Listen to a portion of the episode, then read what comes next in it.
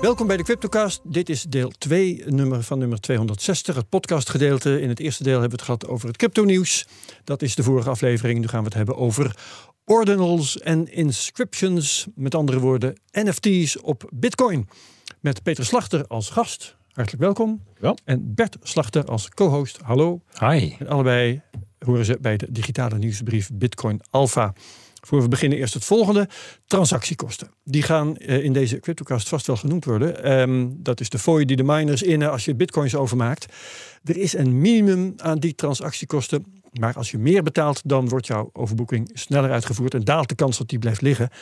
En soms is het belang van een snelle transactie groter dan de pijn van een beetje extra betalen daarvoor. Over hoe je dat kan regelen staat een artikel op bitcoin.nl, een gratis dienst van Bitonic, waar wij dus hier vandaan graag naar verwijzen. En luister je graag naar de CryptoCast, vergeet je dan niet te abonneren. Dan ben je elke week direct op de hoogte van de nieuwste aflevering. Goed. Ehm, ordinals. Ik uh, geef Peter eerst maar eens even het woord. Uh, daar begint het namelijk mee. Iets nieuws in de Bitcoin-wereld. Wat is of zijn ordinals? Ja, de grap is denk ik dat het eigenlijk niet eens zo heel nieuw is. Ja, de naam ordinals wel en het project wel. Um, maar het past wel in lijn met eerdere initiatieven. En eigenlijk is het onderdeel van ja, van een, een zoektocht van ja, allerlei mensen. Um, om de functionaliteit van Bitcoin iets te verbreden. Het is natuurlijk bedoeld als geld. Hè, en er zijn heel veel belanghebbenden uh, die iets met Bitcoin doen. Van, van ontwikkelaar tot miner en gebruiker. Um, die heel graag willen dat het ook daadwerkelijk SEC alleen als geld functioneert. Dat vinden ze heel belangrijk. Maar er zijn ook allerlei mensen die zeggen van ja, ik zou het wel leuk vinden als ik er ook andere toepassingen op kan verankeren. Bijvoorbeeld de uitgifte van coupons of zo. Mhm. Of altcoins. De dingen die we nu buiten Bitcoin zien gebeuren. Um, die, daarover uh, waren al allerlei ideeën Ja, toen Bitcoin nog heel jong was. Ethereum associeert bijvoorbeeld. Bijvoorbeeld, Ja. ja. Eh, Daar werd eigenlijk al in 2010, 2011 over gesproken. En eh, daar, de, de, de term colored coins zegt je misschien wel iets. Eigenlijk niet. Het, het, het associëren van andere assets, andere activa eh, dan Bitcoin zelf, met, met specifieke sats. En daarmee kleur je dus een stukje Bitcoin. Die geeft, je- die geeft er kleur Ja, aan. met SATS of met UTXO's. Ja. Ja, ja, en Maar wa- wacht even, met specifieke sats. Daar, daarmee eh, ga je eigenlijk dus al zeggen dat in sommige gevallen een, een sat, een bepaalde sat herkenbaar kan zijn. Ja, dat is wel het, wo- dat betekent van het woord color. Hè? Dus je geeft hem een kleurtje. En je markeert hem eigenlijk. Ja, ja, eh, Einstein heeft nog eens gezegd van elektronen, man kan een elektron niet, niet rood aanstrijken. Nee. Elektronen zijn hetzelfde. Ja. En dat is bij sats dus bij nader Ja. inzien niet het geval. Nou, dat, dat, dat is dus niet eens bij nader inzien. Er is dus eigenlijk al, als, als sinds Bitcoin bestaat, wordt daarover nagedacht. En zijn er initiatieven ehm, om sats kleur te kunnen geven. Ja, Om extra het- functionaliteit aan Bitcoin toe te voegen. verraste mij toen dit verhaal kwam bovendrijven. Want toen het over NFT's ging, heb ik nou juist, eh, ja, als, het, eh, als het uitgelegd moest worden, dan zeg ik, ja, bij Bitcoin maakt het niet uit welke Bitcoin je krijgt als je eh, een bepaald bedrag wilt hebben van iemand. De ene Bitcoin is net zo eh, goed als de andere, net als bij euro's en dollars. Die zijn fungible. Ja, en dat, is, dus- dat blijft dus ook zo. Oh. Er is dus wel een fundamenteel verschil tussen hoe NFT's zijn opgelost in het Ethereum-ecosysteem. En dat is waar we nu allemaal aan denken als we het over NFT's hebben. Hè? ERC 721. Daarmee maak je een token en dat is een NFT. Eh, De, de token, een non-fungible token. Ja. En, en ERC 20, dan heb je een token die is wel fungible. Dus dat is daar gewoon in het protocol opgelost. En bij Bitcoin is het zo dat ehm, eh, je hebt de, de, de, de, de, de Satoshis, die zitten in een output. Dat is hoe het werkt. Een output, een UTXO, een, een, een unspent transaction output. Zeg maar een stukje Bitcoin wat nog niet besteed is. En hoe groot is dat stukje? Ja, dat kun je zelf bepalen. Is dat ehm 10.000 sats of 100 miljoen sats? Dan heb je één bitcoin. En dan heb je, dus het zijn eigenlijk net zoals je met contant geld heb je eh eh, coupures. Hè? Je hebt tientje, 20, 50. Alleen bij bitcoin kan je ze dus zelf bepalen hoe groot ze zijn. Je kunt een briefje van 22,4 hebben. Daar zit een sats in. En ehm, dat, bedoel, dat, is, dat is het basismechanisme van Bitcoin. Dat blijft ook gewoon zo. Maar al helemaal vanaf het begin heeft men nagedacht over: zou ik nou één zo'n output of een bepaalde SAT erin kunnen aanwijzen, kunnen markeren en, en volgen? Met andere woorden, die SAT blijft gewoon fungible. Alleen in de eye of the beholder kun je er extra betekenis aan toekennen. Alsof je zou zeggen, ik heb hier een tientje en daar zet ik een stempel op. Of ik Ja. zet mijn handtekening erop.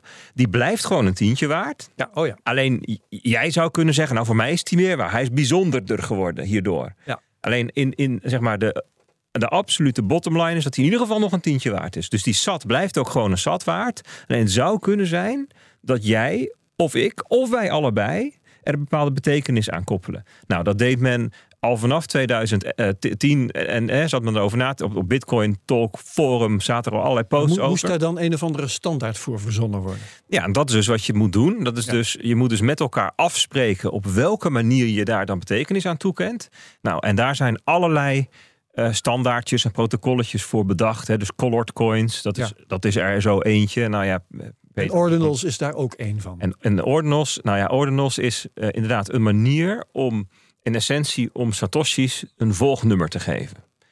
Het, ook dat idee is al veel ouder. Hè? Dus als, stel dat wij samen nu eh, aan de bar met een bierveeltje zouden gaan nadenken over hoe zullen wij eh Satoshi's een volgnummer geven, dan komen wij waarschijnlijk ongeveer op dezelfde aanpak die eh, Casey Rodarmer heeft bedacht toen die het ordinals plannetje op papier zette. Namelijk, je begint gewoon bij de allereerste Satoshi die ooit in omloop kwam te tellen. Mhm. Die geef je nummertje 1 of 0, ik weet niet eens precies waar die begonnen is, maar die begint te tellen. Waarschijnlijk 0 was Heel wat uitmaken. Hè? En, en, eh, en dan ga je gewoon door. Eh, eh, je begint bij de eerste en dan, dat is dus met andere woorden de eerste 50 bitcoin die in het eerste blok in omloop kwamen. Daar begin je met tellen. Dat is 0 tot, en met, of tot 5 miljard.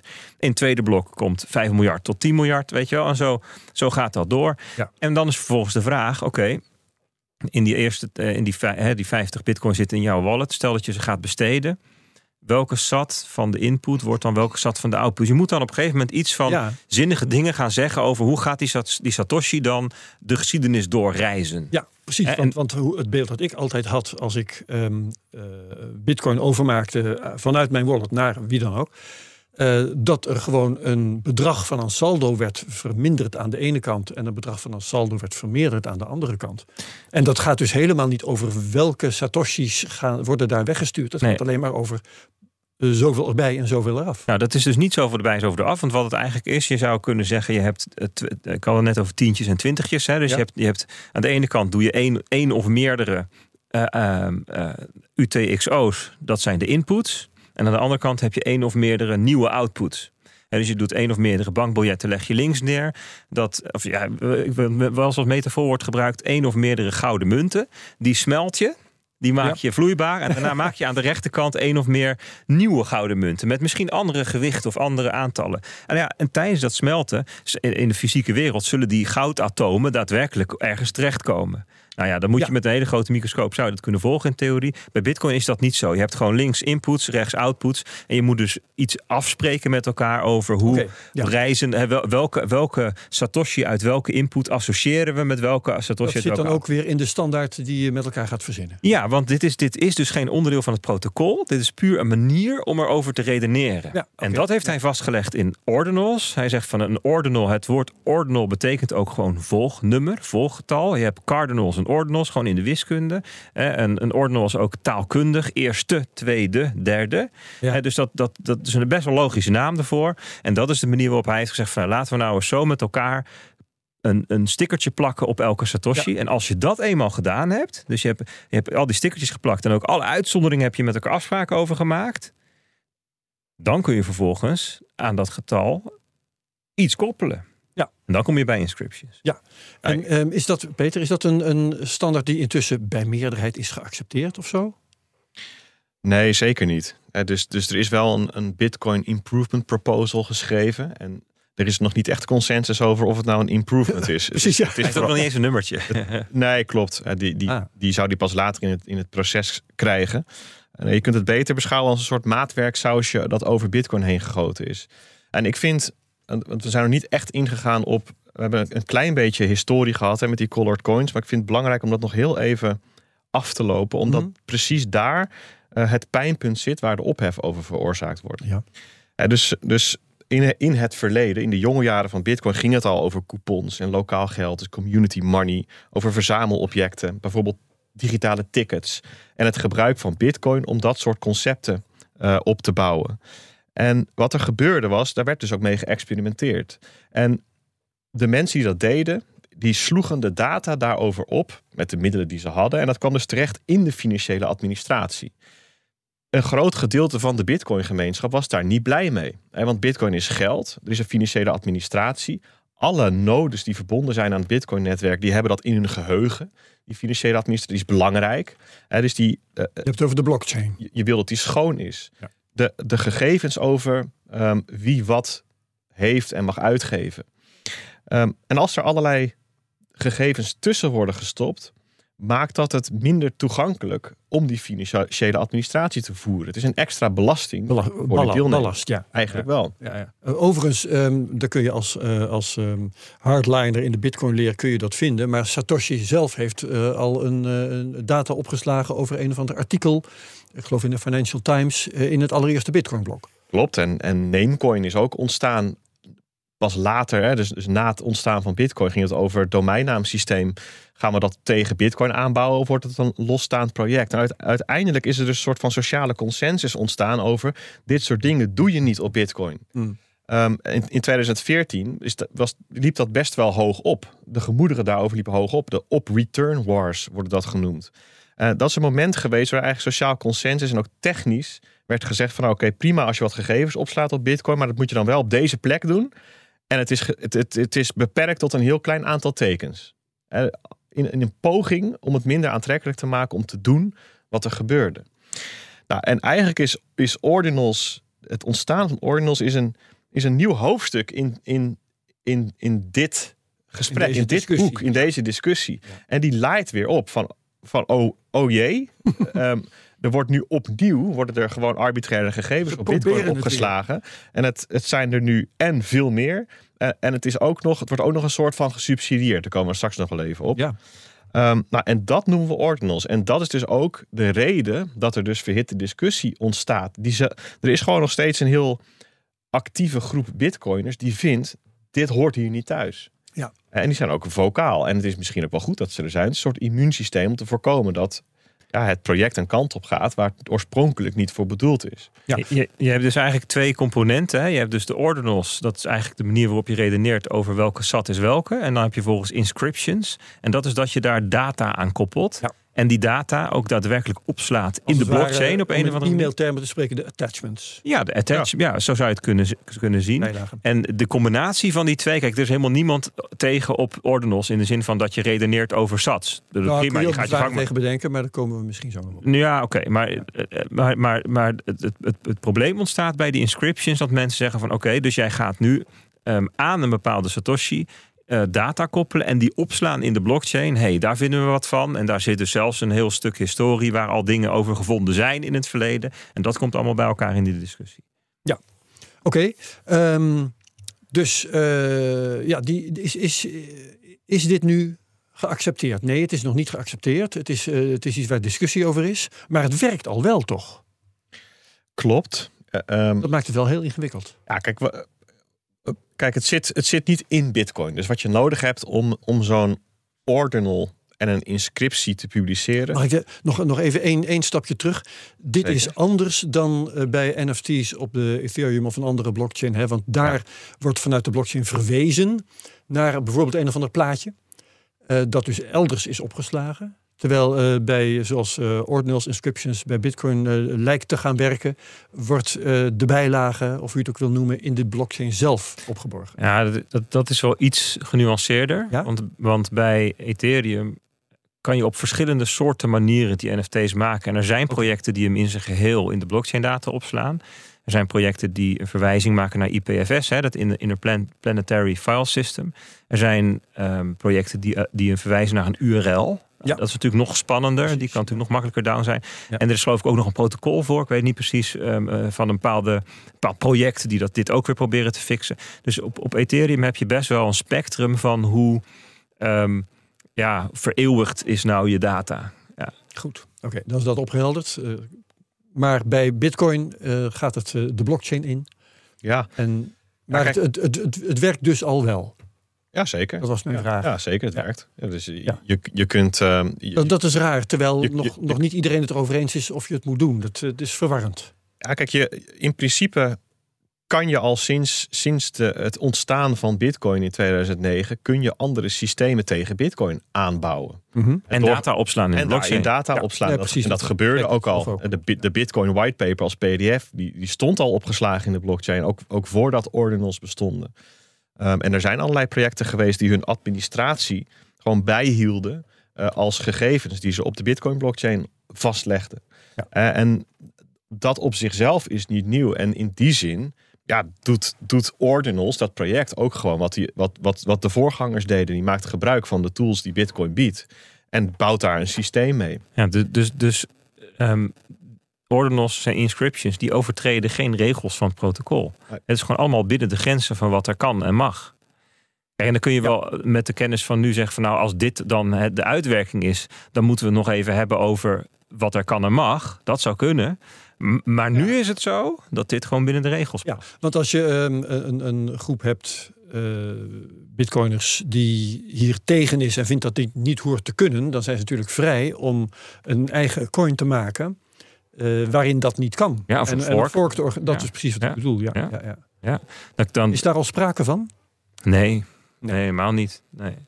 Nee, en ik denk ook dat het lastig is om het, het- deze, dit soort toepassingen om die onmogelijk te maken. Ik denk dat dat uiteindelijk ook een soort kat-en-muisspel oplevert van Mhm. het verzinnen van, van drempels en, en ontwikkelaars die weer om die drempels heen werken. Ehm, ik geloof dat het hier ook over is gegaan hoor, na de lancering van, eh, van, van Ordinals op de mailinglists. eh waar Bitcoin-ontwikkelaars met elkaar praten. En dan, ja, dat, daar is dit ook een, de consensus. Ik geloof dat Andrew Poelstra ehm, eh, daar uiteindelijk opkwam. Van, ja, het, heeft, het, heeft nu geen, het heeft geen zin om, om hierop te acteren of een poging te doen om dit de kop in te drukken. Want dat wordt een kat-en-muisspel waar we zelf ook niet gelukkig van worden. Ja. Nou, ze, En- ze hadden juist bepaalde ehm, grenzen en limieten wat ruimer gemaakt. Om allerlei andere wel monetaire functies juist makkelijker te maken. Dus, eh, nee, Ja, ja, dus do- door beperkingen op te leggen zou je ook ehm andersoortige functionaliteit beperken. Ja, kun je uitleggen wat dan bijvoorbeeld? Nou ja, bijvoorbeeld, hè, dus wat, wat je met Taproot bijvoorbeeld zou willen, is dat je eh, complexere Dus de, de upgrade van Ja. vorig jaar, of Ja. was het? Ja, dat je complexere bestedingsvoorwaarden kunt formuleren. Hè, bijvoorbeeld, ehm, eh, je mag het besteden als je eh, drie uit deze vijf handtekeningen hebt. Behalve na zoveel tijd, dan zijn twee handtekeningen genoeg. Ehm, en als het wordt verstuurd, maar je wil toch nog terug kunnen halen, dan kan het alleen maar naar deze wallet toe. En allemaal van dat soort dingen. Dus kun je hele eh, complexe dingen formuleren, waarbij je maar één alleen maar datgene hoeft te onthullen wat je daadwerkelijk gebruikt. Dat, dat, dat, dat zou Ehm, je zou daarmee ehm, veel gebruiksvriendelijker wallets kunnen maken. Ja. Die, die doordat ze dit soort dingen ehm, op de achtergrond voor je doen, er bijvoorbeeld voor kunnen zorgen. En dat je, dat je wat, wat extra veiligheid krijgt zonder dat dat gedoe oplevert. En ook uitwisselbaarheid tussen wallets. Hè, is- men ook mee bezig. Ja, en daarvoor is het juist prettig dat dit kan. Ja. En dus, dus, dus de, de, de wens was er om, om de uitdrukkingskracht wat te vergroten en de limieten wat te verruimen. Ja, en de consequentie is dat je dus ook makkelijker meer ehm, rotzooi in de blockchain kan zijn. Dus dat zeggen de critici dan. Van ja, wat moet deze meuk erin? Kijk, de andere kant is, ehm, ze betalen voor elke byte. Hè? En dat is dan het argument van de proponenten Ja, weer. Zeggen, ja, joh, we betalen er gewoon netjes voor. Als jij die ruimte wil gebruiken in plaats van... eh, ehm, eh, in plaats van ik, dan moet je daar gewoon meer voor betalen. En dan duw je mij weg, weet je wel zo. Markt. Ja. Ja. Ehm, voor we daar verder over gaan. Het, is, het is dus, je, ik kan me voorstellen dat je ideologisch op tegen bent om allemaal rommel in de blockchain te zetten. Ehm, maar is het praktisch ook een bezwaar? Wat, wat, eh, wo- wordt de blockchain inderdaad onhanteerbaar hiervan? Met, met allemaal, ehm, weet ik veel, plaatjes, muziekjes, eh, video's voor mijn part, die daarin worden opgenomen. Wordt die dan op een gegeven moment honderden terabytes groot? Nee. Nee, dus, dus kijk, in de praktijk ga je zien, mogelijk, hè, dus als, als, als heel veel mensen dit gaan gebruiken, dus het is een daverend succes, dag in, dag uit, ehm, eh, bieden mensen hun transacties aan om gegevens op eh, de Bitcoin blockchain te plaatsen, of dat nou plaatjes zijn of, of, of, muziekjes of videootjes of wat dan ook. Ja, dat betekent dat, dat er een levende, levendige fee-markt ontstaat. Ehm, en dat op een gegeven moment het, het kunnen uitvoeren van een transactie eh, duurder wordt. En je zult ook zien aan de kant van ehm, degene die een Bitcoin-nood draait, dat de blokken, ehm, de blokken die dus toegevoegd worden aan de blockchain, gemiddeld gezien wat groter zijn. Maar het is niet exponentieel groter. Het- Dat Nee, is, Er is toch ook gewoon een maximum, er is Ja. maximaal Ja, er is 4 dus- megabyte per blok. Dus je ziet misschien dat gemiddeld genomen dat de bloks twee keer zo groot gaan worden. En Dus dat is, dat is misschien wel twee keer zo vervelend, maar het is niet miljoen keer zo vervelend. dat En is- dus, dus op zichzelf een heel overzichtelijk eh, ge- gevolgen zijn. het. Dat, dat komt omdat met de SegWit update, hè, die is alweer wat langer geleden, volgens mij is het 2017. 17, Ja. toen is er een onderscheid gemaakt tussen de gewone blockspace en de blockspace waarin de witnesses, dat is alles wat nodig is om ehm, een, eh, te bewijzen dat de inputs ook daadwerkelijk besteed kunnen worden, ehm, die worden op verschillende plekken opgeslagen en die krijgen een verschillend gewicht. En dus zou je alles opslaan in het blok, en dat zijn ouderwetse transacties, dan is de maximale omvang 1 megabyte. En zou je alles op, als zou alles bestaan uit witness, dan is de maximale omvang, omvang 4 megabyte. In de praktijk Ja. zit het daar ergens tussenin. Ja. En naarmate een groter gedeelte van de transacties uit witness data bestaat, zou een blok gemiddeld wat groter worden. Omdat een groter gedeelte van wat je instuurt in die witness terechtkomt. Ja. En dat zie je dus bij inscriptions, omdat die grotendeels, eh, 99% of zo, in de witness data zitten. Dat de bloks nog e- exact even vol zijn als altijd. Namelijk, ze zijn gewoon vol. Alleen is de, de omvang ietsjes groter in, in megabytes. Maar het is nog steeds begrensd in theoretisch. Het, het theoretische maximum is 4 megabyte. En dat was het al en, En- dat blijft het. 4 megabyte is eh, niet overdreven veel voor een plaatje. Is ook niet overdreven veel Nee. voor een muziekje. Nee, dus het- ontzettend weinig voor een video. Klopt, het gaat natuurlijk ook nergens Ehm, over. Betekent dat dat je, eh, als je het hebt over NFT's of bitcoin, dat dat eh, eh, lang zulke mooie plaatjes niet kunnen worden, bijvoorbeeld als op Ethereum? Nee. Of kun je ze ook nog uitsmeren over verschillende Ja, blokken? theorie wel. Ze, ze worden, ja, ze, ja, dat zou nog theorie kunnen. Je zou in principe een film van een terabyte kunnen up- uploaden in, eh, weet ik veel, dure film. 250 ja, blokken. want, want, want een blok is eh, eens in de 10 minuten. Ja. Hè? Dus als je je eh, data over zes blokken wilt uitsmeren, dan neem je een uur aan bitcoin-transacties in beslag. Dat wordt eh, Ja, heel dat- duur om dat op te kopen. Ja, want je concurreert tegen alle anderen Ja. die iets in een blok willen hebben. En ik kan me zo voorstellen dat, ik bedoel, één transactie, hoeveel bytes kost dat? Nou ja, laat het eens een kilobyte zijn of zo. Hè? Dan heb je nou volgens mij al een vrij forse. Ehm, ja, weet je, je, als jij iets, iets van 10 MB wilt uploaden, hè, dan, dan moet je dus concurreren tegen 10.000 financiële transacties, die misschien best een paar euro per stuk willen betalen. Ja, weet je, dat wordt wel op een gegeven moment heel duur. Ze zeggen wel eens eh, bij, bij ehm, eh, inflatie, hè, het beste recept tegen hoge inflatie is hoge inflatie. Want weet je wel, op een gegeven moment kan niemand meer betalen. Ja, en, en het beste recept tegen ehm, eh, inscriptions is heel veel inscriptions. Want daardoor wordt vanzelf te duur voor onzin toepassingen. En ehm, ik geloof dat er nu 1,3 miljoen dollar in totaal aan transactiekosten is betaald om inscriptions in bloks te krijgen. Ja, dat in het begin willen mensen dat heus wel betalen, want je wil een van de eerste zijn. Want er bla is een keer 9 bitcoin geloof ik betaald hè, voor zo'n Nee, dat is op de tweede, op de secondary market. Oh, pardon. Ja. Dus dit gaat echt om het Ah, ja. in, een, in een blok krijgen van, Oh. van, van het bestand zelf. Kijk, want als ik hem daarna aan Peter wil geven, en dan hoef ik alleen maar die specifieke SAT naar hem te meer- ja, sturen. ja, ja, Dan die inscription die leeft dan al in de blockchain. Dus dus ehm, eh, eh, ja, het, het, is, het is inderdaad beperkt. En, maar er is iets, nog iets belangrijkers hè, aan de hand.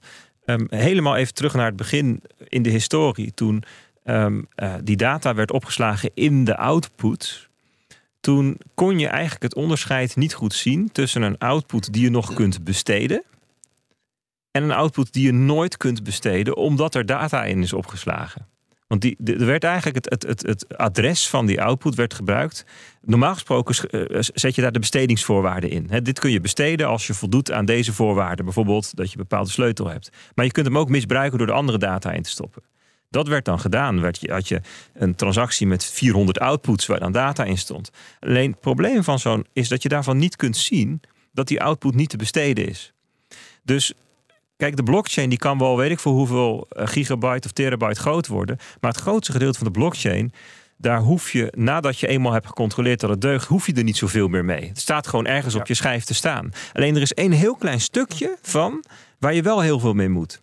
En dat is de eh, lijst met transacties die nog besteed kunnen worden. Ja. Want die moet je namelijk voortdurend checken bij alles wat er gebeurt. Als je transacties binnenkrijgt, moet je kijken, kan deze transactie, is die wel geldig? Ja, de losse eindjes. Ja, de losse eindjes, dat noemen we dan de UTXO-set. Dat is de verzameling van alle nog niet besteden transacties. En het probleem van transacties die niet besteed kunnen worden, eh, zonder dat je dat weet, die zitten dus je UTXO-set te vervuilen. En daarvan hebben ze ooit gezegd. Dat is echt heel problematisch. Als dat uit de klauwen groeit, dan zit straks iedereen met gigantische bakken met werkgeheugen. om alleen maar transacties daarin te hebben die je nooit zou kunnen besteden, zonder dat we dat weten. En daarom hebben ze toen besloten van nou, we maken op return. Hè, want dat, zou, dat is dan een commando in een script waarmee je kunt laten zien ehm, wat er nu gaat komen.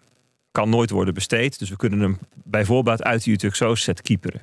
En dat, dit is in de discussie ook rondom inscriptions een belangrijk thema geweest van ehm, ehm, ja, bedoel dat het een beetje data kost. Oké. maar is dit data die ons heel veel pijn gaat doen? Met andere woorden, gaat dit in de UTXO-set terechtkomen of niet? En het antwoord daarop is nee. Dit komt ook inscriptions, die, het zijn niet eens outputs. De, de, de inscriptions zitten in de input data, de witness data. Dus je kunt ze, kunt ze gewoon überhaupt weglaten uit de UTXO-set. Je kunt ze zelfs op een gegeven moment van je harde schijf wissen zonder dat dat een probleem wordt. dus, aan, aan, dus onderdeel van de discussie was: gaat het ons pijn doen op gebied van schaalbaarheid bijvoorbeeld? En daar was de conclusie: nou eigenlijk niet. Ja, ja. oké. Eh, dan kunnen we het nu gaan hebben, denk ik, over um, een mogelijk belangrijk voordeel. Namelijk het verdienmodel van, uh, van miners. Want het kan, Peter, uh, het kan gewoon grof geld gaan opleveren. Ja, ik zag zelfs theorieën... In van, van uh, steeds lager wordende miner fees of miner rewards. Ja. Vanuit het minen zelf. Klopt, en ik, ik zag zelfs theorieën circuleren dat dit allemaal opgezet is door de, de huidige verliesleidende miners om wat extra inkomsten te genereren. Oh. Nou denk ik dat als dat zo is, dat ze daarin nu in ieder geval nog niet zo geslaagd zijn met die uh, eh, 1,3 miljoen dollar aan uh, extra fees dat het opgeleverd heeft. Ja, wat belangrijk voor de context, hè? dus miners die krijgen de block reward. Die bestaat uit twee delen, de subsidie, subsidie ja. en de transaction, uh, transactiekosten. En 1,3 miljoen aan inscriptions moet je dus afzetten tegen 4, 500 miljoen aan subsidies in dezelfde periode. Dus dit is voor de miners een fractie van hun inkomsten geweest in de afgelopen vier weken. Maar het staat dan ook nog in de kinderschoenen. Ja, maar de blokken zijn wel vol. dus dat betekent dat, dat als het een groter aandeel zou moeten worden, um, als stel dat, het, stel dat, dat die inscriptions nu evenveel zouden moeten opleveren als een subsidie, mhm. dan zou je dus 400 keer zoveel moeten gaan betalen om een, een inscription in een blok te zetten. En wie is bereid om nou ja, laten we zeggen, een ton te betalen voor een inscription. Ja. Niemand, weet je wel. Dat is dan, althans, nee, laten we het openen formuleren. Er wat, zijn wel NFT's voor meer hè, gemint. Precies, maar wat voor soort digitale bezittingen zijn zoveel waard dat je er zoveel voor zou ja, betalen? dat weten wij nog niet natuurlijk. Nee. Kijk, in principe zijn er twee knoppen om aan te draaien uh, als het gaat om inkomsten voor miners. Um, dat is wat er betaald wordt voor het verwerken van een transactie. Dus wat er geboden wordt eigenlijk. Um, hè, en dat is de Bitcoinprijs. Um, en aan beide knoppen uh, zal gedraaid moeten worden. Uh, wil je over 10, 15 jaar nog een gezonde uh, mining sector hebben. dus um, ik, ik denk dat de hoop is dat de Bitcoinprijs stijgt. en omdat transactiekosten in sat zijn uitgedrukt, um, zul je in termen van dollars zul je meer ontvangen voor het verwerken van, van transacties ook. En dat de economische activiteit op Bitcoin is toegenomen. Zodat er ja. 10, 20, misschien meer gevulde bloks klaarstaan om verwerkt te worden. Kijk, en dan gaan alle uh, marktdeelnemers gaan tegen elkaar opbieden. Van, ja, ik wil niet 100 minuten wachten, uh, dus ik ga wat meer betalen. Het is voor mij belangrijk uh, dat mijn transactie nu wordt uitgevoerd en niet over een, over een half uur of een uur. Ja. Ah, en, en dan ontstaat de mogelijkheid dat wat er nu afgaat aan subsidie, en dat gebeurt elke halving, wordt, het subsidie, wordt de subsidie aan bitcoiners wordt, wordt gehalveerd. Ja, tot die op een dag echt niet de moeite echt niet. Inderdaad. Is ook niet als de bitcoinprijs hoger wordt, want dat houdt ook een keer op. We zitten nu op 6,25 BTC subsidie en dat wordt uh, 3,12, 125. Ja. Ja. Um, wanneer? 2024? Ja, maart of april. Maart. Ja, dus dat wordt misschien ook wel weer een, uh, een verhaallijn hè, voor, de, Ik weet, voor de boelmarkt. In de komende maanden. Ja. Uh, ja. In ieder geval iets om in de gaten te houden. Dat gaat, zeker. Hè. Ik bedoel, dat, is, dat is wel iets waar men naartoe leeft. Of het een echt effect is of een psychologisch effect. Ja. Maar dan komen we allemaal nog... En, en dan weer vier jaar later halveert dat weer. Nou, En het is toch wel consensus dat over een jaar of twaalf, dus nog, nog drie, vier halvings in de toekomst, ja, dat, dat de, uh, de subsidie niet meer de motor is waarop zo'n hele mining sector kan blijven draaien. Precies. En ja, dus, dus dan is er economische activiteit nodig. Nou, en dit is een vorm, die ordinals en inscriptions, ja, is een vorm van economische activiteit. Of je het nou ja. nuttig vindt of niet. Dat is ook nog een vraag. Ja. het gebeurt wel. Ja. Maar dat is natuurlijk wel hoe het begint. Het begint met memes Want het zijn nu allemaal memes. Hè. De, de, de ehm, grote meme van, uh, van Ordinals, dat zijn die wizards. Hè. Die uh, Bitcoin wizards. Daar zitten de, de, de, de mensen die, die, die het bedacht of hè, in het begin gesteund en gepropo- ge, ge, Dat is een creatie van Udi Wertheimer. ja, Udi Wertheimer en ehm, Eric Wall en Nick Carter vond het ook lollig. Maar ook die Casey Rodarmer, dat is dan degene die het allemaal bedacht heeft. Die, die heeft dan een van die eerste wizards gekregen. Dat ze hebben ook een uh, inscription van 3,96 megabyte in een blok weten te krijgen. De grootste transactie ooit. Het zijn ook allemaal een beetje, uh, het, een beetje, een beetje schoppen tegen schenen. Een beetje um, de grenzen opzoeken. Ja, het zijn kijk, ook kijk eens wat ik kan. ontzettend lelijke dingen. Maar gewoon alleen maar om als meme. En dat is wel hoe dingen beginnen. Dingen beginnen met memes. En dan is vervolgens natuurlijk de vraag van... Oké, wat betekent, wat kun je er echt mee? Kijk, het gaat er nu niet om dat je daadwerkelijk de, de kunst zelf in de blockchain opneemt. En ik zat net even te kijken, de, de, de, het schilderij van Beeple, wat toen voor 69 miljoen dollar geveild is. Ja dat was een JPEG van 319 MB groot. Nou, weet je, bedoel, die wil je niet zeggen van nou weet je wat, we gaan hem een beetje compressen, wat kleiner maken en dan maken we hem 200k, want dan past hij wel in een blok. Ja. Dan, maar dan is er niks meer van te zien, want het hele idee van dat werk is dat er al die werken Ik van hem in zaten. Ja. En dus um, uh, je gaat niet de kunst of het, de film of whatever erin stoppen. Dus wat wordt het dan wel? Wordt het iets symbolisch? Wordt het een, een, een, een thumbnail van iets? Of wordt het misschien een heel ander type activum. Ja, want het hoeven geen plaatjes te zijn. Nee, het, het is gewoon data. Er zit een, ja. Als je gaat kijken wat wordt er nou opgeslagen in de blockchain, dan is dat een, um, een, in, een Excel sheet zijn. Een identifier, een content type en data. Dus je zou er inderdaad een Excel sheet of, of JSON, uh, dus gestructureerde data in kunnen stoppen. Code. Um, ja, programmacode zit er ook in trouwens. Bijvoorbeeld uh, een, een, speelbare versie van Doom is erin gestopt. uh, JavaScript. Uh, maar, Alles is al gedaan. Ja, maar, maar, maar, maar je zou dus bijvoorbeeld um, um, um, aandelen erop uit kunnen geven. Of persoonsgegevens of identiteitsgegevens op kunnen opslaan. Of wow, ja. diploma's. Of, of weet je, andere digitale bezittingen. We, we hebben natuurlijk met NFT's ook al vaak ge... ge gebrainstormd. Wat zou je ja. er allemaal nou mee kunnen in de toekomst? En daar hebben we natuurlijk ook gezegd van ja, er is nu heel veel meuk en onzin, maar het is misschien wel een concept wat nuttig is om te verkennen. Want ja, laten we wel wezen, het grootste gedeelte van de wereld is non-fungible. Ja. Hè, bedoel, er zijn eigenlijk maar heel weinig dingen in het leven waarvan, we, waarvan fungibility een wenselijke eigenschap is. En als, als we al die non-fungible dingen die, we, die, die in de toekomst steeds, in steeds grotere mate digitaal worden, de, van de concertkaartjes tot de domeinnaam, noem het allemaal op. Dat zijn de hele toegankelijke voorbeelden, maar er zijn er veel meer. Als we die ergens willen vastleggen, zodanig dat niemand het kan afpakken, dat het niet afhankelijk is van een centrale autoriteit, ja, dan is de decentrale technologie daar hartstikke geschikt voor. Dat is onwijs waardevol om de afhankelijkheid van techbedrijven en overheden, en dictators allemaal weg te halen. Oké, okay, interessant. Wat zou dat dan kunnen zijn? Nou, dat is wel de fase waar we nog in zitten. En dan zou je kunnen zeggen: oké, okay, um, het is wel allemaal hele lelijke meuk. En wat moeten we met al die JPEGs in de blockchain? Ja. Sure. Maar dit is de fase dat iedereen allerlei grenzen opzoekt. Ook hele vervelende grenzen. Want binnen de kortste keer is dat natuurlijk allemaal porno in de Bitcoin blockchain. En wat betekent dat dan? Weet je wel. Um, maar dat, is, dat, dat, dat, is, dat, dat hoort bij dit stuk van het experiment.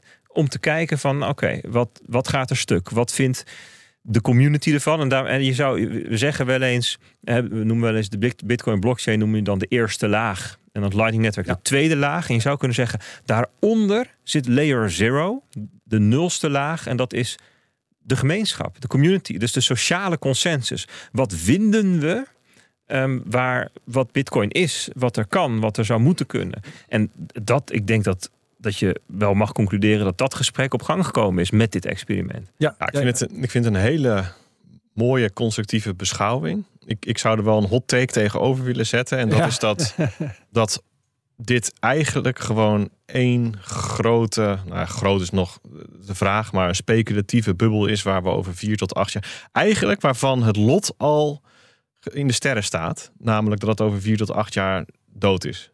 Kapot is. Meer misschien, werkt. misschien wel over een paar weken. Ja.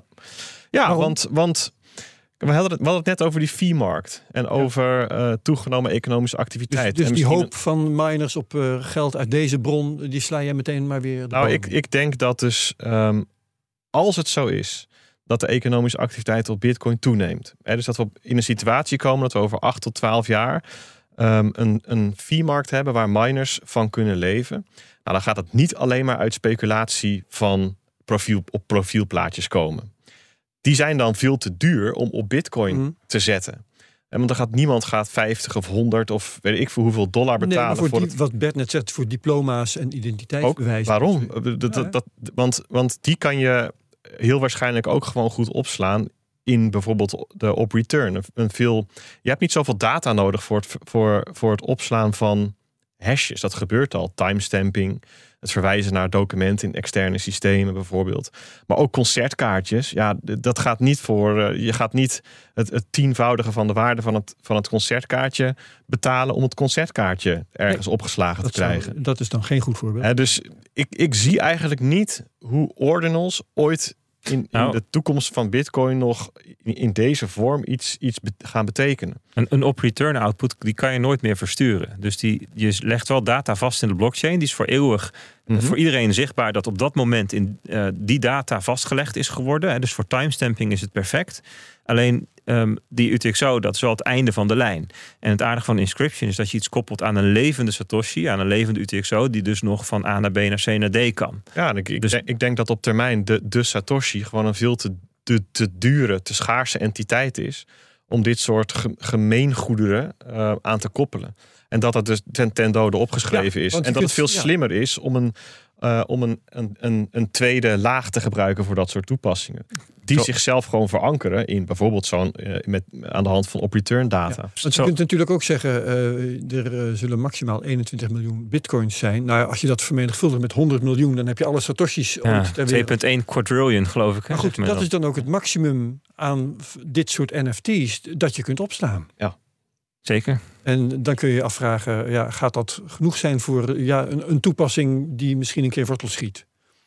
Dat is een open vraag lijkt me, hè? want het is, het is niet een zodanig astronomisch getal als de, de blockchain, sorry, de blockchain, als de, de namespace van, van Bitcoin. Nee, maar je hebt over, over miljoenen per, per wereldbevolking. Hoe zeg het? Per, per Dat is weer aardbewoner. wel waar, ja. Dus op zichzelf, dat, ik, ik weet niet of dat nou per se de bottleneck is. Maar Nee. ik denk wel wat Peet terecht zegt. Hè, je hebt maar gewoon een beperkte ruimte in een blok. En dat gaan we misschien nog wel een keertje keer twee kunnen doen of zo. Ja. Maar ehm, het, eh, het, het, het gaat zodanig... Kijk, het hangt ook, het is allemaal weer padafhankelijk. Hè? Dus als Bitcoin uiteindelijk naar de schaduwen verdreven wordt omdat het irrelevant is, zoals de ECB graag zou zien, Ja. ja. dan, dan is er ook geen veiligheid om dit soort dingen mee te doen.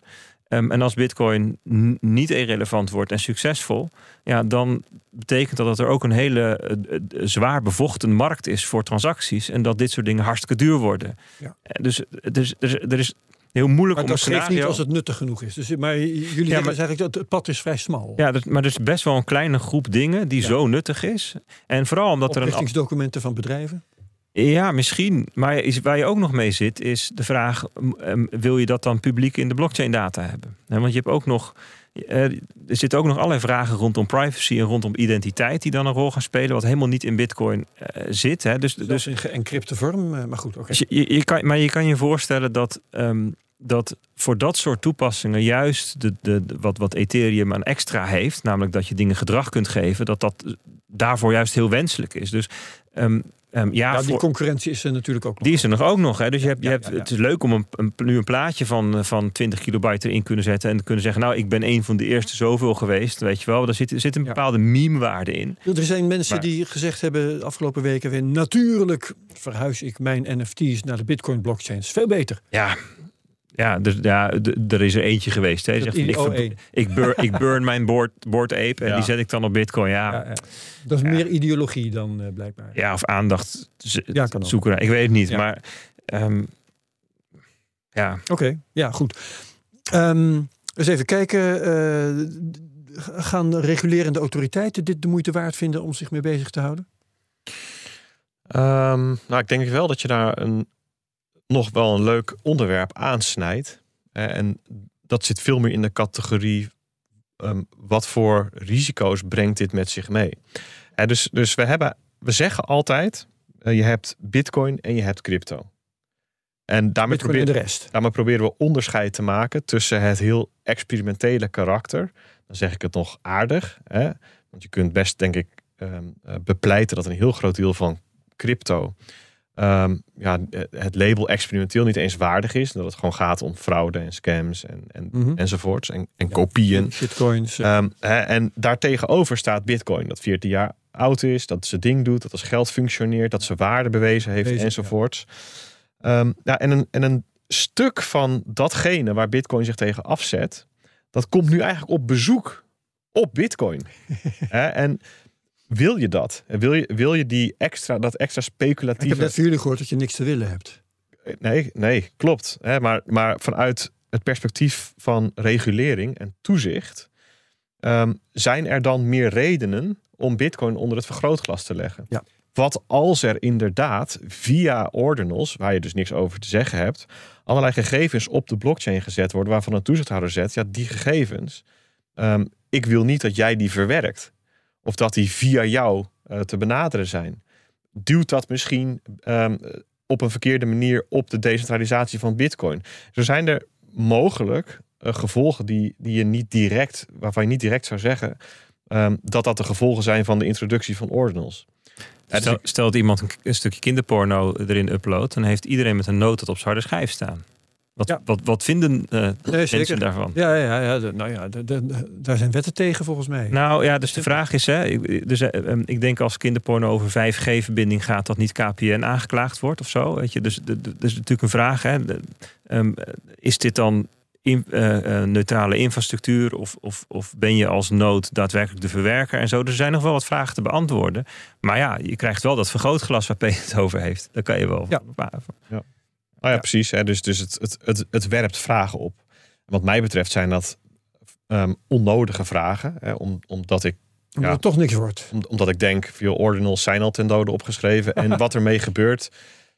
Ik, ik, ik wil niet zeggen dat het niet nuttig is. Hè, dat, het, dat het geen waarde heeft. Want ik denk dat mensen die plezier maken en zich ergens verbonden mee voelen.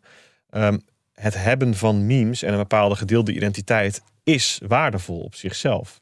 En op, het is niet dat, dat, dat het iets is waar ik per se heel veel waarde uit haal. Maar ik begrijp wel dat anderen dat hebben. Dus, dus, dus ik denk dat het te ver gaat om te zeggen... joh, al die, al die NFT-plaatjes en ordinals zijn per, zijn per definitie niet nuttig.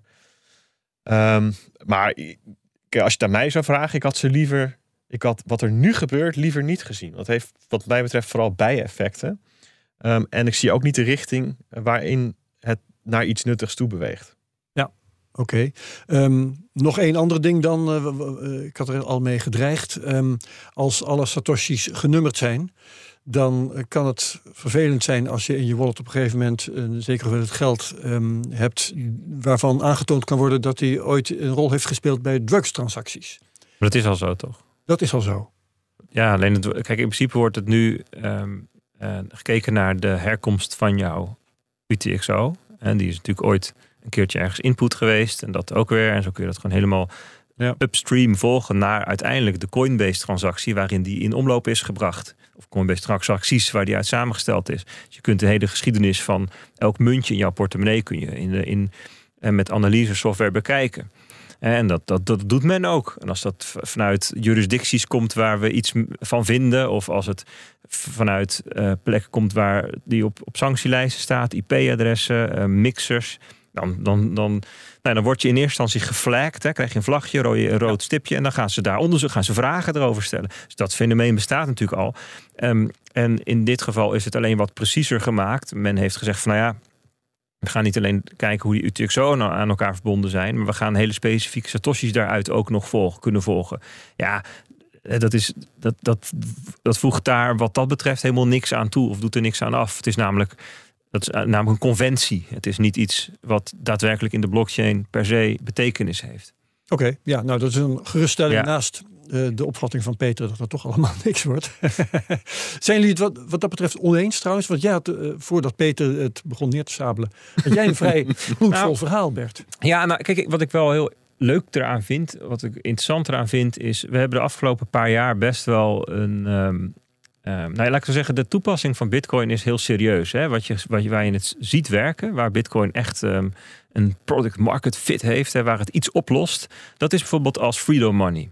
Dus vluchtelingen, mensen die uit een oorlogssituatie moeten vluchten, mensen die in hun eigen land En uitgesloten dat heeft worden. geen NFT's nodig. Nee, eh, nee, nee. hooguit als verdienmodel voor miners om te kunnen blijven functioneren. Nee, precies. Maar wat ik wil zeggen is, de, de, de, het, het zijn vaak hele serieuze gesprekken. Ja. En de, ehm, eh, het digitale goud als, eh, als ehm, ehm, serieuze beleggingscategorie, asset class, weet je, dat zijn hele serieuze dingen. En het, het plezier was, is wel een beetje, bedoel, er wordt in, in de Ethereum-wereld, kun zeggen, is een hele hoop onzin, maar er wordt ook een hele hoop plezier gemaakt. En bij Bitcoin zag je niet alleen maar het hele serieuze, maar soms ook een beetje iets verhards. Hè, er was dan een hele ehm, sterke, nou ja, haast sectarische cultus van als je het niet met ons eens bent, ja, dan, eh, dan werken we jou als, als pathogeen, als ziekteverwekker het lichaam uit. Er is een heel sterk afweersysteem van de cyberhornets en de toxic maximalisten die trots waren op hun toxiciteit. Ehm, ja, dat was. ehm, het, het werd er niet gezelliger op. En er was een hele duidelijke scheidslijn. En als je er eenmaal uit. Het had, het had daadwerkelijk iets sectarisch. Hè? Als, je, Ja. ehm, er, als je eruit werd gewerkt, dan mocht je ook niet meer terugkomen. En neem een, een Nick Carter. Dat was best wel een held in de Bitcoin-wereld. Hij schreef veel over het energieverbruik. Hij deed veel in de ehm, eh, eh, beleidswereld, hè, de, de Amerikaanse politiek. Ah, toen heeft hij, ik weet niet meer wat het precies was, maar hij heeft wat dingen gezegd. En dat was tegen het CRB van de Maxis. En toen werd hij eruit geknikkerd. Was gewoon geëxcommuniceerd. Ja, Gecanceld. gecanceld. en het was een heel, eh, ik noem het, je zou kunnen zeggen, een soort auto-immuunziekte. Het afweersysteem reageerde eigenlijk iets te, te heftig. Wat je ook krijgt als je in een hele schone omgeving zit. Dan op een gegeven moment krijg je allergie tegen dingen die, ja, het, het overreageert een beetje. En wat je nu zag met die ordinals en die, die, die bitcoin NFT's, hè, van dat de discussie die ontstond, die liep langs andere breuklijnen. Oh ja. Ja, dus er waren mensen die normaal gesproken comfortabel bij elkaar in het cirkeltje zaten, die waren het niet eens met elkaar. Er waren mensen die zeiden van, hé, hey, dit is best wel tof, dit is leuk, dit is lachen. En andere mensen zeiden, doe normaal, want we moeten vluchtelingen helpen. Er waren mensen die zeiden van, dit is, ehm, ehm, dit is illicit, dit is niet hoe het bedoeld is. Dit is niet, dit is ongewenst. En anderen zeggen, ja, hoezo? Het is gewoon protocol. Er zijn mensen van dit maakt Bitcoin stuk. En anderen zeggen wel nee, dit is gewoon, eh, dit is prima. Sterker nog, dit zorgt voor een gezonde fee market. Dus je kreeg allerlei discussies. ehm, eh, ehm, eh, waarbij de van Dat is wel verfrissend. ja, ja verfrissend. Ja, ik- vers- daar ben ik het mee eens. Dus het, het faciliteert daadwerkelijk nuttige dingen. Eh, onder meer discussies die geparkeerd waren of vastgelopen waren, die worden opnieuw gevoerd. Ehm, en dat geeft soms dan ook mogelijk andere uitkomsten. Het haalt ook nieuwe deelnemers naar Bitcoin toe, die ontdekken hoe het werkt. Voor Is- het eerst misschien. Je zag dus allemaal gasten uit de Ethereum-wereld. Die gingen nodes installeren, Bitcoin nodes. Toch eens kijken. Ja. Ja, die, die, die, die zijn daar dan weer mee bezig. Hè. Dus, dus het heeft daadwerkelijk ook wel eh, nuttige en waardevolle effecten. Ah, misschien zeggen we over een paar jaar van nou, het was heel nuttig dat dat gebeurd is. Want dit zijn de uitkomsten die we anders misschien later of niet hadden gehad. Eh, en dan is dat mogelijk de waarde geweest Ja. van, eh, van het bestaan van ordinals. Dus, dus om die reden, om, om de discussie en om het verkennen van de mogelijkheden, denk ik van nou, dit is best wel oké geweest. En de hoeveelheid schade die het kan veroorzaken is best beperkt. Verder ben ik het wel eens met Peet van, ja, als je mij nu vraagt van, ehm, ken eens waarschijnlijkheden toe aan toekomstscenario's, dan is het scenario dat dit uiteindelijk een stille dood sterft ook mijn hoogste percentage. Maar aan de andere kant heb je wel soms ehm, eh, eh, eh, loopt het pad naar iets heel, een hele unieke, waardevolle, belangrijke uitvinding via dingen waarvan je op zichzelf zegt van ja, wat moet je daar nou weer mee? En dus het zou best kunnen zijn dat dit weer mensen op ideeën brengt of dat het Ja. voor een nieuw experiment zorgt. Want laten we wel wezen, ehm, dit is allemaal nog ongelooflijk jong. Hè? Het is een paar weken oud. Er is totaal geen infrastructuur of tooling. Hè? Ik bedoel, eh, je ziet gewoon mensen de private keys plakken in Discord channels. En de, de handel wordt gefaciliteerd vanuit een Google spreadsheetje. Weet je, dat is een beetje het niveau waar we nu zitten. Ja. Ehm, dus dat is de ene kant. Dus je kan zeggen van, nou ja, dit moet gewoon eerst veel volwassener worden voordat het wat groter kan worden. De andere kant is wat ik ook al zie, is een mooie stijgende lijn van het aantal ordinals en van de, de hoeveelheid de wachtrij in de mempool en dat soort dingen en de transactiekosten. En nu weer een hele mooie dalende lijn. Dus we hebben, zitten alweer ruim over het hoogtepunt heen. Dat was namelijk op 15 februari. De, de dag dat de honderdduizendste ordinal werd gemaakt. Ja, ja. En daarna lijkt het allemaal ook weer een beetje wat minder te worden. Dus Het zou best kunnen dat dat alweer een aanwijzing is van nou, de nieuwigheid is er vanaf. En, en, en de optimist die zegt, nou joh, nee, we zijn nu allemaal uh, nieuwe projecten, nieuwe start-ups, nieuwe dingen. En straks gaat het helemaal. Ja, we zullen het zien. Hè? Dat... ik vind het wel een mooi uitgangspunt. Dus dat er spelenderwijs herijkt wordt waar Bitcoin voor staat, dat is ook aan de gang. En dat is een stuk leuker spelenderwijs dan dat het met, uh, dat het met oorlogsgeweld gaat. Dat, wat dat betreft is het leuk om te volgen. Ik op zichzelf mooie slotwoorden, maar ik kijk nog even de kring rond. Deze kleine kring. Of ja, ik, nog iets noodzakelijks Ik ben benieuwd. Dus, dus, deze, deze podcastaflevering wordt natuurlijk ook gepubliceerd op Twitter. Nou, als de luisteraar daar nou even onder zet wat wij niet zien. Dus misschien zijn er wel unieke ehm, eh, perspectieven op het bestaan van ordinals. Of waarom het juist wel over acht jaar nog bestaat. Dan ben ik daar benieuwd naar. Dus, dus laat dan even een reactie achter. Had je eigenlijk, hebben we eigenlijk al een BNR Cryptocast logo in de Bitcoin blockchain uh, opgenomen? Uh, niet dat ik weet. Of iemand anders zou het gedaan moeten hebben, maar dan hadden ze het ons wel verteld. Dus ik denk dat het antwoord nee is. Oké. Dat is toch misschien dat iemand het even kan doen. Dus dat, dat kunnen we ook, oproep. Ja, maar misschien doen we het zelf wel. We zijn er gek genoeg voor. Mooi zo. Um, nou, dan kunnen we het hier denk ik eh, bij laten. Dan uh, dank ik jullie allebei hartelijk. Bert en Peter Slachter van de digitale nieuwsbrief Bitcoin Alpha. En ik zit even te kijken of wij al weten wat we volgende week doen. Daniel, weten wij dat al? Nee, we weten nog niet wat we volgende week doen. Dus uh, laat ik jullie daar ook in het, over in het onzekere. Maar deel deze CryptoCast wel met de volgers op Twitter. Dat riepen we al, maar gebruik de mention at CryptoCastNL. Uh, doe reviews op, op, Apple Podcasts. En like, subscribe en comment op YouTube. En voor de rest heel erg bedankt iedereen dat je tot hier hebt volgehouden. En graag tot volgende week bij de CryptoCast. Dag allemaal.